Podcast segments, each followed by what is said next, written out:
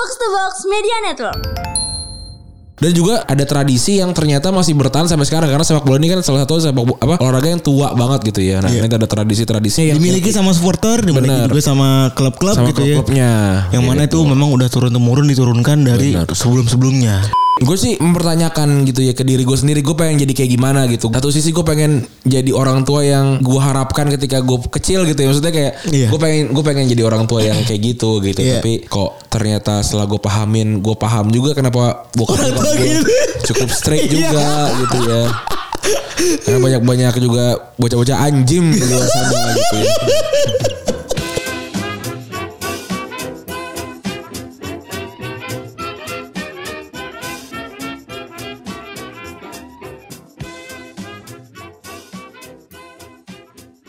Gue jadi kepikiran ya sebuah pertanyaan. waduh. Kalau gue jadi orang tua tuh gue mau jadi orang tua yang kayak gimana ya? waduh akan Randi akan mengeluarkan kuat-kuat inspirational. Enggak ini gue jadi pertanyaan gitu ya. Walaupun kayaknya masih, mungkin juga masih agak jauh gitu. Gue sebagai orang tua gitu ya. Tapi melihat dari banyaknya kelakuan-kelakuan lolot orang-orang di sosial media gitu ya gue gue khawatir loh sebenarnya loh. Gue khawatir melihat ini anak gue menghadapi orang-orang ini nih nanti ke depannya nih gitu. Iya, betul. karena gue pribadi sih bukan anak yang terlalu banyak mendapatkan pengajaran cara direct gitu dari orang tua. Karena orang tua gue ewak gitu ya. Betul. dua-duanya kerja. Kalau gua ya sama lah ya. Iya. Satu- satu kerja ya kan? Ada lagi. Satu santai. Lagi santai. Gelap-gelap. Enak banget pak pak bapak udah ditanam kan aduh Ya jadi gue sih mempertanyakan gitu ya ke diri gue sendiri Gue pengen jadi kayak gimana gitu Satu sisi gue pengen jadi orang tua yang gue harapkan ketika gue kecil gitu ya Maksudnya kayak Iya. gue pengen gue pengen jadi orang tua yang kayak gitu gitu Iya. Tapi kok ternyata setelah gue pahamin Gue paham juga kenapa bokap gue gitu. cukup straight Iya. juga gitu ya Karena banyak-banyak juga bocah-bocah anjim di luar sana gitu ya ya kan? Tapi mungkin gue juga kepikirannya kan gue kan gue nanti kalau jadi orang tua gue akan gue gue akan membebaskan apa yang anak gue pilih gitu. Kayaknya nggak juga sih gitu. Gue kan lebih banyak berdiskusi kayaknya. Apa yang mungkin itu jalan tengah paling baik ya Ran ya? Karena karena gue pribadi sih gue ya walaupun bokap gue bilang kan ya papa tuh suka, suka jadi teman diskusi gitu. Ya pada kenyataannya tidak tidak seperti itu juga gitu. Tidak akan ada diskusi karena Iya karena kan ada hak veto gitu kan. Kan ada Rusia Cina gitu kan ya. Sedangkan gue kan Maldives gitu kan misalnya kan Ketika, ketika kumpul-kumpul NATO-NATOan gitu misalnya. Iya. Kan nggak nggak ini juga gitu. kita sokap gitu. Iya gitu kan sama-sama saat sama-sama orang sih tapi hak suara beda aja ini. Bener. ya, lu tiga kita cuma satu gitu. Iya kan? Gue kayak kayak- kayaknya gitu sih. Gue gue bakal lebih banyak ngobrol sama anak gue gitu ya. Terus gue akan mencoba untuk Misalkan ngasih nih kan Eh gue suka nonton bola nih gitu kan.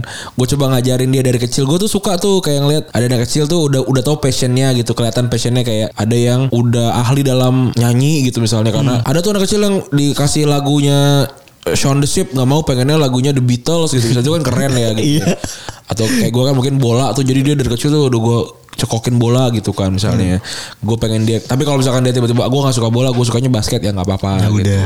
Bener gue mungkin jadi jadi orang yang orang tua yang kayak gitu. Kalau gue sebagai yang udah jadi orang tua gitu ya ngeliat anak gue gitu ya. Terus juga kalau waktu muda bener kata Randi yo, ketika gue belum nikah Ketika gue belum punya anak Itu selalu kita main what if kan nih Gue bakal jadi orang tua kayak gimana? Sekarang pun gue masih main what if Ran. Gue bakal jadi orang tua yang kayak gimana ya? Maksudnya namanya hidup kan ada naik turunnya ya maksudnya. Kadang-kadang pulang rumah capek Kadang-kadang gue jadi bapak yang amat sangat amat sangat menyayangi anaknya menemani anaknya main main sampai jam satu pagi gitu misalnya karena dia belum ngantuk. Satu hari anaknya main juga gue tidak bisa megang sama sekali karena gue harus megang laptop gitu. Terus juga satu hari juga gue jadi seolah-olah jadi bapak yang tidak peduli gitu karena jam 6 pagi ketika anak gue belum bangun gue sudah berangkat tapi jam 12 malam ketika anak gue tidur gue baru pulang kayak gitu-gitu itu yang jadi gue berpikir ya memang hidup itu ya momentumnya kadang-kadang suka beda-beda gitu kayak yang Pak Rani bilang titik poin yang paling gue sepakatin adalah memang jadi orang tua itu harus kompromi gitu. Iya.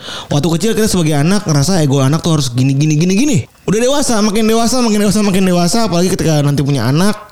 Gue sendiri sadar orang tua tuh egonya kayak gimana gitu ya. Iya. Sebagai orang tua kita pengennya begini, tapi sebagai anak yang kita pernah jadi anak gitu ya kan. Iya. Kita tahu mau dong, maksudnya didengerin ego ego anak itu kayak gimana gitu ya kan. Jadilah jadinya ya paling benar adalah jadi orang tua yang punya rasa kompromi sama anak kalau gue Ah, pribadi. juga sih. Dan lucunya kan anak ini jadi orang tua tuh gak ada gurunya men, nggak ada benar salahnya gitu. Iya, anak keluar dari dari rahim ibunya kan juga tidak ada manual book yang hadir gitu. ya. Iya.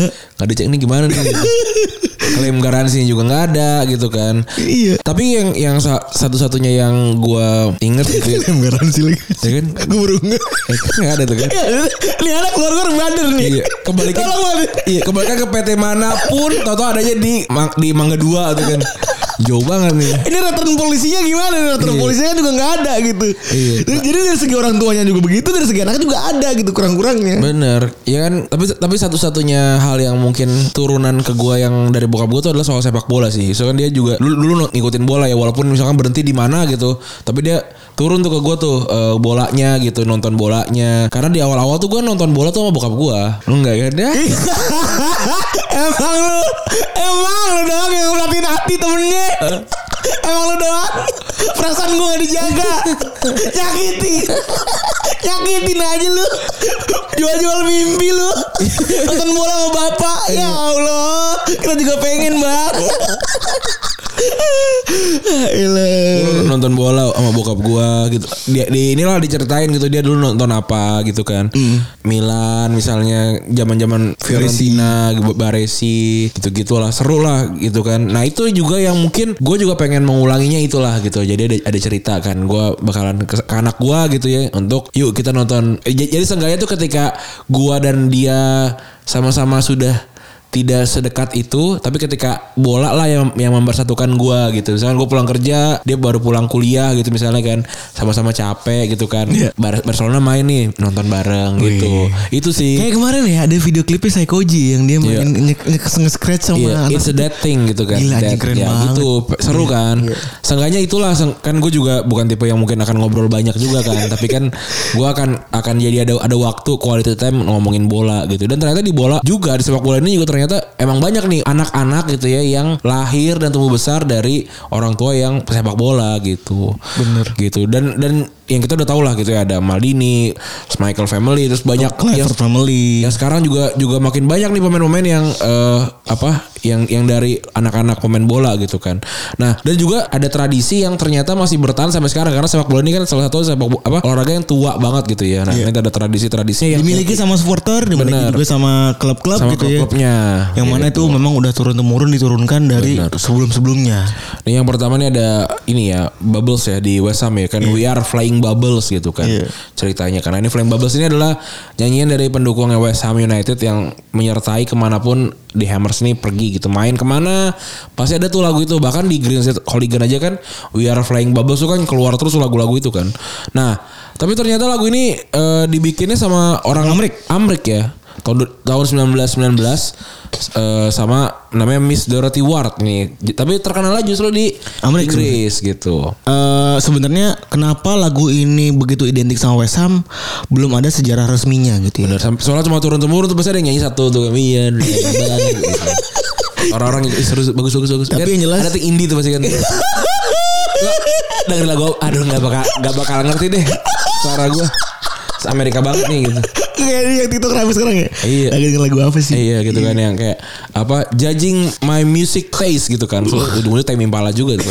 Iya jadi kenapa lagu ini jadi terkenal banget ya. Jadi tahun 1920-an nih bola nih terkenal banget ya di kalangan bocah-bocah sekolah kan. Jadi main lah gitu kan. Biasa lah yang yang gendut jadi pemain jadi kiper gitu kan. Biasa lah kayak gue masih, masih jadi kiper gue. Tapi bukan lu penyerang ya? Enggak gue sampai sampai akhirnya gue bisa mem- membuktikan kalau gue adalah penyerang yang baik. Jadi Iya maksudnya kan lu sekarang outfield kan? gue outfield. Tadinya kan gue waktu itu kan kiper. Oh. Gitu. Nah, salah satunya nih pemain pemain yang keren banget waktu itu namanya Bill Murray. Dia eh, di punya julukan nih, punya kata-kataan gitu kan ya. namanya Bubbles gitu kan. Karena bentuk bentuk bukannya dia nih mirip sama karya seni buatannya Sir John Millais Uh. di tahun 1829 yang bentukannya nih gambar anak muda nonton gelembung sabu. Kalau kita malah sering banget ngatain orang kayak buah pir ya. iya, iya bener. Ada uapir. Buat lucu banget ya buat bener buat Kebayangan lu orang ngaruh kayak buah pir kebayang dong. Nah, kalau ini bentuknya mu- Kayak karya seni. muka- mukanya mirip sama bocah yang lagi nontonin ini bubble gitu. Nah lukisan ini sih gue. iya lukisan ini terkenal banget di Inggris karena dipakai di iklan merek sabun waktu itu ya Oh. kayak inilah sebuah iklan sabun yang rambutnya warna-warni kayak Padley John itu kan kurang lebihnya mirip-mirip lah kayak gitu. terus terus terus. Nah ketika si si Murray ini main gitu ya si West Ham ini selalu ny- nyanyiin lagu I am, For- I'm Forever Blowing Bubbles karena lagu itu dipakai di iklan gitu. Hmm. Nah walaupun si Murray ini gak pernah masuk tim utamanya West Ham tapi publik ini karena lagunya juga cukup catchy gitu ya akhirnya disebut-sebut terus lah dinyanyiin terus makanya sampai sekarang lagu yang Forever Blow- Blow- Blowing Bubbles ini selalu, selalu dinyanyiin gitu sama West Ham. Oh, tapi balik ini hanya teori ya. Betul, ini teori nih karena lagu ini seakan-akan menjadi gambaran ketika mimpinya si pemain muda dari aslinya London ini ada tapi ternyata lama-lama menghilang gitu loh. Betul. Dan juga dari Deportivo La Coruña itu ngirimin bawang. Hmm. Taruh bawang ya ini. Iya. Tapi balik lagi entah gimana ini tim manajemen De- Deport ini apa namanya punya ritual naruh bawang di lapangan sebelum pertandingan berlangsung. Iya. Tapi ternyata itu jadi kan gini kemarin tuh Oki, eh, Bang Oki yang pernah cerita ya kalau misalnya buat keren tuh kadang-kadang lu inget-inget kalau lagi lu main bagus tuh sebelumnya lu ngapain Iya, gitu. benar. Iya kan? Benar. Kemarin kan itu cerita gitu kan. Iya, ya- jadi ada habit yang dibuat gitu. Bener, lu perhatiin deh lu ngapain tuh. Nah, mungkin ini hal sama juga berlaku buat Deportivo La Coruña. Jadi kebetulan sering ada eh, orang-orang yang melempar bawang di tahun 2000-an ketika memang dia lagi sempat jadi juara Hmm. di Liga Spanyol ya tahun 2000. Akhirnya al- alasannya ba- bawang itu kan selalu identik sama ini ya, benda-benda yang anti syaiton gitu kan. Hmm. Anti-anti goib gitu. Dracula gitu, gitu kan. Iya, iya. Jadinya itu dipakai lah sama eh, apa namanya sama Super Deport timnya Iya. untuk selalu naruh bawang hingga sekarang di lapangan sebelum main. Cukup ini aneh juga ya ini ya. Apa namanya ritual bukan ritual apa sih namanya itu? Klinik. Iya, warisan warisan yang warisan Tradisinya ya. Tradisinya tuh aneh juga ya. Iya. Selanjutnya ada dari Jerman nih ada ada Christmas Christmas Carolnya Union Berlin nih. Jadi eh, Jerman ini emang emang cukup ini juga ya unik juga gitu ya. Salah satunya nih si Union Berlin ini punya tradisi dari tahun 2003 sebenarnya nggak berarti nggak lama-lama banget ya. Jadi setiap datang ke stadion nih dia nyanyiin lagunya Christmas Carol karena itu tuh tradisi ini karena kejadiannya waktu itu cuma bisa ngumpulin 89 orang aja di, waktu itu di stadion. Iya. Jadi pada tahun 2013 para pemain sama fans ini nyanyi ke stadion waktu itu malah nggak ada nggak ada pertandingan jadi datang aja datang juga gitu kita kumpul sampai akhirnya kekumpul 27 ribu orang datang ke lapangan di sana nyanyi ngecan-ngecan bersama Ini white team semua berarti. karena karena mungkin ini kan apa tiap tahun ada tiap tahun ada di di pertandingan di di dekat-dekat Natal tiba-tiba oh ini kayak jauh nih tapi harus kita buat nih gitu makanya terjadilah gitu cukup aneh tapi ya itu yang namanya sebuah tradisi di sebuah tim nggak bisa dipertanyakan juga Betul. Sampai akhirnya ada 27 ribu orang ya. Iya. Datang ke lapangan gila. Mereka nyanyi nyanyi ngecen sama nyalin lilin. Terus juga ada lagi dari Chelsea ini ada nama ada sebuah lagu nama The Liquidator dan juga ngelempar daun seledri. Ini juga kalau The Liquidator ini itu lagu-lagu yang nyanyian aneh tuh ceng ceng ceng. Ada gua kalau kita nonton Chelsea main di home ya. Hmm. Iya. Lu pasti pernah denger Iya, iya, Ada iya. sebuah nyanyian yang hena gitu nih. Iya, iya. Ini apa sih lagu apa sih gitu kan. Selain sebelum ini sebelum apa namanya Blue is the color kan suka ada tuh. Iya. Itu ada nyanyian aneh itulah. Itu adalah judulnya adalah namanya The Liquidator dan mana itu adalah sebuah track instrumental reggae dan gara-garanya iseng tahun 69 itu salah satu orang yang terplace-nya itu sering ng- ng- nyetel lagu tersebut. Iya ini iya tadi sama kayak oh, mungkin gara-gara lagu ini kita menang nih gitu. ya kan? Sampai akhirnya ya udah dari tahun 70 mereka jadiin lagu ini sebagai lagu resmi klub. Dan tradisi ini masih ada sahabat saat ini dan tradisi lainnya itu adalah fans Chelsea itu ngelempar daun seledri ke lapangan. Dan saking banyaknya daun seledri lempar ke lapangan ya dan dianggap jorok Abang martabak di sana. kekurangan seledri. Sedri.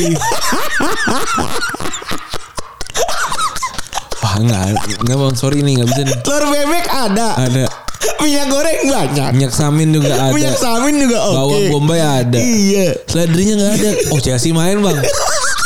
Jadi tiap Chelsea main di kandang, tukang martabak tuh. Kadit dae. Iya. Bang beli martabak. Iya tapi hari ini aja nih martabaknya nggak spesial loh. Kenapa tuh kalau boleh tahu? Jadi Karena kar- jadi karena martabak martabak spesial semua yang mengaku spesial di Indonesia karena tadi Indonesia memang spesial karena lengkap. Beda sama yang terjadi di London karena tidak ada martabak martabak tanpa daun seledri gitu. Dan karena banyaknya sampah dan dirasa membahayakan, membahayakan kenapa? Membahayakan untuk minta pencarian untuk martabak. eh, betul. Karena berca- karena mar- waktu itu di tahun itu itu di apa di depan kantor pemerintahannya London ini tukang martabak pada datang dan memarkir gerobak-gerobaknya di sana. Khawatir jadi Menunggu lemparan lemparan seledri. Bener. Saya kayak mereka sama-sama "Ih, kok bungkusnya sama nih semua. Ada ada chef gendut biru biru biru biru oranye kan tuh sama semua selamat menikmati tuh. Nah ini kalau ngomongin soal tradisi ya turun temurun di Indonesia ini juga sebenarnya ada tradisi yang jadi lintas generasi ya. Karena ada nih produk dari orang tua namanya anggur kolesom. Nah tapi nih ya kalau kalau boleh cerita ya sebelum kita bahas ke sana nih. Jadi orang tua ini nih anggur orang tua ini udah jadi warisan Indonesia dari tahun 48. Wih. Tiga tahun merdeka nih udah ada tuh. Bikin yuk, keren banget ya. bikin anggur kali ya. gitu. keren banget tapi ya. Adanya idenya emang dan masih eksis sampai sekarang dan jadi salah satu minuman kesehatan yang masih dikonsumsi sama lintas generasi gitu. Minuman kesehatan ya karena emang udah ada tuh takarannya sebenarnya. Dalam satu botol anggur kolesom ini mengandung fermentasi buah anggur, kolesom dan rempah-rempah. Kalau yang lu nggak tahu kolesom itu apa, kolesom ini adalah tanaman kesehatan yang sering disebut ginseng awach atau jawa. Wah, gingseng awas ya. Betul. Ada ya. Nah, gunanya apa? Buat menghilangkan pegal-pegal, menambah stamina tubuh, menjadikan kualitas tidur lebih nyenyak dan membuat tubuh tetap segar dan fit. Kalau mau coba tetap sehat, cobain aja anggur kolesom. Tapi Oh. pakai takaran. Bener ya. Berarti boleh ya Ren ya? Bener kan? Karena ya kalau minum kan drink responsibility aja. Wah, tapi boleh tuh. Gue coba ntar gue nyetok di Nanti rumah. lah, tipis-tipis, Iya, ya kan? Biar biar enak, biar tidurnya nyenyak. Bener, nggak nggak usah kebanyakan, Iya, dikit-dikit aja. Sesuai takaran. Sesuai takaran. Tradisi selanjutnya ya. Ya. Kalau di sepak bola ada tradisi lain yaitu tradisi kap di Arsenal ya. Ya. Adalah kapten Arsenal yang milih pakai baju lengan panjang ataupun pendek. Berarti nggak ada tradisi berarti. kan cuma ada dua doang. Apa? Enggak, yang milih kapten. Kamu mau pakai baju pendek? Jadi kapten itu berhak memilih kalau tim itu pakai tangan panjang atau tangan pendek. Oh. Ini terjadi sejak Arsene Wenger berada di Arsenal. Berarti sejak pemimpin Indonesia berarti itu. Vieira atau, atau sebelumnya. Adam berarti. Adams. Sampai Arsenal Wenger cabut dan tradisi itu dipertahanin tapi sempat dirusak sama Motif Lamini. Hmm. Orang Ketika kaya bebas. sekarang orang kaya nih. Gara-gara dia eh, motong jersinya pas lagi Arsenal menang eh, 2-0 lawan Marseille di Liga Champions tahun 2016. Dan si Wenger cerita kalau ya gue nggak nyuk gue nggak suka kalau misalnya dia itu ngelakuin itu dan itu udah jadi tradisi klub dan gue nggak pengen kalau ada pemain gue yang begitu jadi memang selalu yang memang gimana ya begitu tinggi gitu ya merhatiin tradisinya gitu Betul. memang kalau tradisi ini nggak nggak begitu jelas asal di mana tapi jelas ini yang nentuin adalah dari Wenger Ini sendiri gue superstitious ya. Ini klinik ya. Agak mirip-mirip gitu ya. Apa tuh? Tradisinya iya. Iya. Agak-agak agak cukup klinik juga gitu ya. ya memang kebanyakan kepercayaan aja gitu Iya benar. Dan juga ini ada tradisi yang cukup unik juga tidur bersama piala dan medali setelah juara bagi kapten timnas Italia. Jadi ada kapten yang gak pernah tidur juga tuh. Kapan tim gue punya piala nih? Nah jadi setelah juara Euro 2020 kemarin ya Thierry ini memposting dirinya tidur sama piala dan medali Euro 2020 karena karena dia bilang ya ini sebuah tradisi yang diwariskan oleh Fabio Cannavaro sejak Piala Dunia 2006 eh ngerti baru dua kali. di postingannya di IG Cannavaro juga komentar kalau iya benar betul gue setuju dan dia bilang bahagia apa yang karena sudah diteruskan sama Chiellini dan sama tim. Saya bangga jika tradisi tersebut diteruskan. Membuat kebanggaan saya menjadi orang Italia lebih meningkat. Ya karena baru dua kali sebenarnya. Soalnya bukan tradisi sebenarnya ya. Cuma kayak gue pengen niru-niru aja lah gitu ya. Meskipun baru dua kali tapi kayaknya ya kalau Italia menang lagi bakalan kejadian lagi karena juga beberapa memang udah ada yang melakukan juga kayak Lewandowski waktu itu kan Iya, sama piala-pialanya gitu Ini gitu. juga kan kayaknya jadi keren-kerenan ya apalagi Iya. karena di zaman sosial media Kan buat gagah-gagahan juga ya. Betul. Yang terakhir ada sebuah tradisi unik juga. Kali ini unik sekaligus lucu ya. Iya. Ini Benfica kan suka iseng ya ini. Betul. Suka iseng sebagai apa namanya klub dengan logo elang ya. Elang. Elang bondol gitu kan. Yang lagu Dewa ya ininya. Jadi Dalus tentunya tuh D- D-nya tuh Dewa itu. ya kan sebagai klub Portugal yang paling sukses ya. 36 gelar dua Liga Liga Champions. Apa namanya bikin dia kan klub yang terkenal. Salah yang terkenal adalah ini. Dia nih setiap kali main ada elang yang ngider. Iya. dan dilempar tuh nggak cuma satu Tapi dua. ada dua namanya dibeli namanya Victory dan Glory Yoi. jadi ngider tuh dia di Stadion Dalus tuh Oh, stadion gede juga 65 ribu penonton ya Iya. abis itu abis dia keliling nih ngider nih burung elangnya abis itu dia balik lagi Betul. ke kebetulan ini ini ya kelepakan ya burung iya di ini kan. Bener-bener kelepek-kelepek Iya. gitu. Terus dia disediain tempat Tapi lucunya Tahun 18 Tahun 2018 Itu karena Kan burungnya mu- muter kan? Iya. Kan namanya makhluk bebas gitu kan? Eh, Kita gak pernah tahu nih. Di burung iseng Iya. Gimana ya? Jadi pas lagi dilepas Satu burung ngabur Satu burung ngabur tuh Hilang Awkward juga tuh ya. Iya aduh Iya iya Bingung juga sih gue bener tuh Burungnya terbang tuh gimana Apalagi kalau burung-burung atraksi gitu kan Lu pernah gak nonton di Taman Safari? Burung. Atraksi ini Atraksi-atraksi burung Pernah. Tapi kan itu gak boleh kan ya. Harusnya ya. Kan ini binatang kan. Iya gue gak tahu ya maksud gue Iya. Maksud gue kok bisa Bisa lumba-lumba suruh ngitung gitu kan. Aneh juga sih. Tapi gue beruang beruang dorong bola atau apa bagus? Apa serunya sih gue? Gak ngerti juga. Geli banget. Maksudnya kalau kalau dia balik ke tongkrongan dia di hutan gitu, eh gue bisa dorong bola dong gitu. So what? Gak ada bola di sini gitu. Kayak lucu ini. Apa? Apa yang tupai-tupai itu main main basket. Iya deh. ada kan? Ada. Burung nuri suruh gitu kan. Ada burung disuruh gitu ada. Ada anjing laut pura-pura mati kan Iya. ada. Eh, kalau itu mungkin bisa dipakai tuh kan di, di, di dunia Iya, ada. alamnya gitu Iya. ketika ada ada predator dia ah, mati ya pura-pura gitu. Iya, bisa, itu gitu. mungkin masih bisa tuh. Ini pinter dah itu. Kalau terus juga ada yang apa? Tupai apa anjing laut apa? Iya. Yang kecil-kecil atau kayak singa lewatin. Otter, otter, otter, Otter. otter, suruh masukin main basket kan. Ayo, ini namanya otong kayak kan maksudnya namanya mirip nama hewannya kan. Iya, iya. Otong suruh gol, gol gitu. Terus kakak tua suruh ngitung tuh. Iya, nih. Ini berapa? Maksud gue buat apa gitu? Aneh juga kayak kayak singa lompatin api gitu kan. Kata dia nggak bisa main basket aja nih gue. Itu lebih sporty. Iya, oke maksud gue yang yang lain tuh nggak nggak nggak ini loh nggak challenge nggak challenging gitu maksud gue gaknya cuma cuma cuma berdiri doang di tempat sempit kata kata kalau gue jadi hari kalau gue jadi singa gue rajanya loh kenapa gue yang harus mengorbankan nyawa lompat di api, gitu sedangkan gaknya cuma berdiri di kursi dingklik gitu kan Iya. Iya kan kata gue kata gue Iya. kata gue ezer Iya, juga iya. kalau gue jadi si jadi singa sih kata gue ezer juga nih gue lompat di api. Dia cuma iya. Dia cuma berdiri di dingklik Karena sih gue cuma satu. Selewat Bisa balik hancur kursi. Iya udah. Gua, Rambut gua kebakar. Aduh. Tu, Tupai sama berang-berang Cuma main basket doang Iya. ya kan? Nggak logis. Apalagi yang sebenarnya lucu gitu? Iya. Di kepala kita. Apaan? Apalagi selain itu? Terus apa namanya anjing laut kan ngapain ya? Anjing pura mati. Lama ini main bola-bolaan gitu kan? Iya udah itu doang. Eh tadi sama, sama beruang dorong bola. Itu gitu cukup aneh juga. Gue kenapa kena- Kenapa gitu? Pembagiannya gimana gitu? Apakah misalkan si beruang Suruh lompat api dia nggak mau gitu? Enggak bola aja gitu. Sedangkan singa dipecut Dia lompat gitu. Aduh anjing. Lucu banget. Iya kan? Pembagian tuh gimana gitu? Pembagian gimana? Pasti juga di awal tuh Ada, ada singa kayak Ini gak si anjing so So rajin anjing gitu kan Pasti ada yang kesel juga? Pasti gue gue yakin. Kan itu kan sama kayak an- anak magang. Bisa ngedit Photoshop? Bisa ada. Ada lu.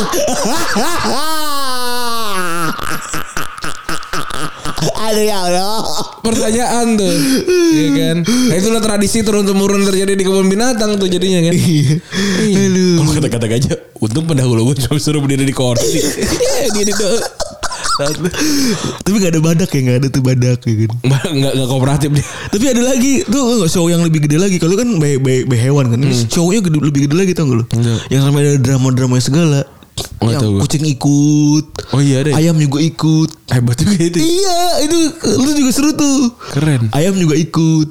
Jadi paling atas tuh jauh bener tuh di sama safari. Ay ayam ngerti juga dia Ngerti, gue juga kan namanya kan kayak elang yang benbika gitu kan. Iya. Ini kan unggas bisa terbang gitu ya. Apalagi ayam, ayam kan doyan nyebrang Ayam gitu. kan groovy doang kan gitu kan ya udah groovy aja udah merpati eh burung-burungan juga Iya, iya. ini bisa tiba-tiba pergi terus Kira-kira binatang apa yang gak akan mungkin diajak ya deh juga gue penasaran soalnya semua binatang ada kan Iya. apa yang kecil-kecil itu kan suasana cowboy gitu kan Iya. Kecil-kecil gitu terus juga Kelomang aja bisa bisa bisa narik ini ya. Gerobak gerobak semuanya bisa diberdayakan gitu. Hebat juga. Tradisi kelomang mau gerobak iya. Ide dari mana? Ide ide mana gitu? Apa yang sudah apa yang sudah di trial error sehingga gerobak lah yang dipilih gitu ya? Maksudnya secara secara eh, apa namanya pembagian skup pekerjaan gitu kan dia kan di laut gitu ya Iya. sedangkan gerobak tuh tidak di laut gitu kalau dia kalau dia naik papan jet ski Oke, itu Masuk mungkin akal. masuk akal gitu. Atau kelomang bawa perahu gitu. masuk akal Mungkin ya kan. Ini kalau kelomang kecilnya dipaksa naik ke gerobaknya lagi. Terus kalau dia keluar dimasukin lagi kan. Aneh juga tuh. ya.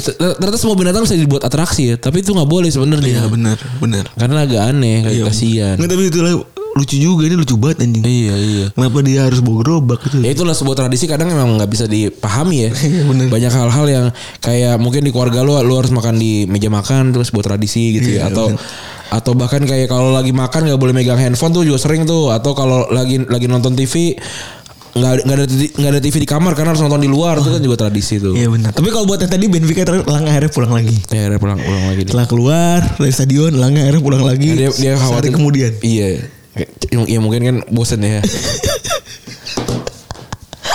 Akhirnya kelepas yang lain gitu loh. Iya. Dia ngeliat di kalau ke mana-mana nggak ada temen gue cuma si Victory doang balik aja. dia. si Glory kan yang pergi si Glory.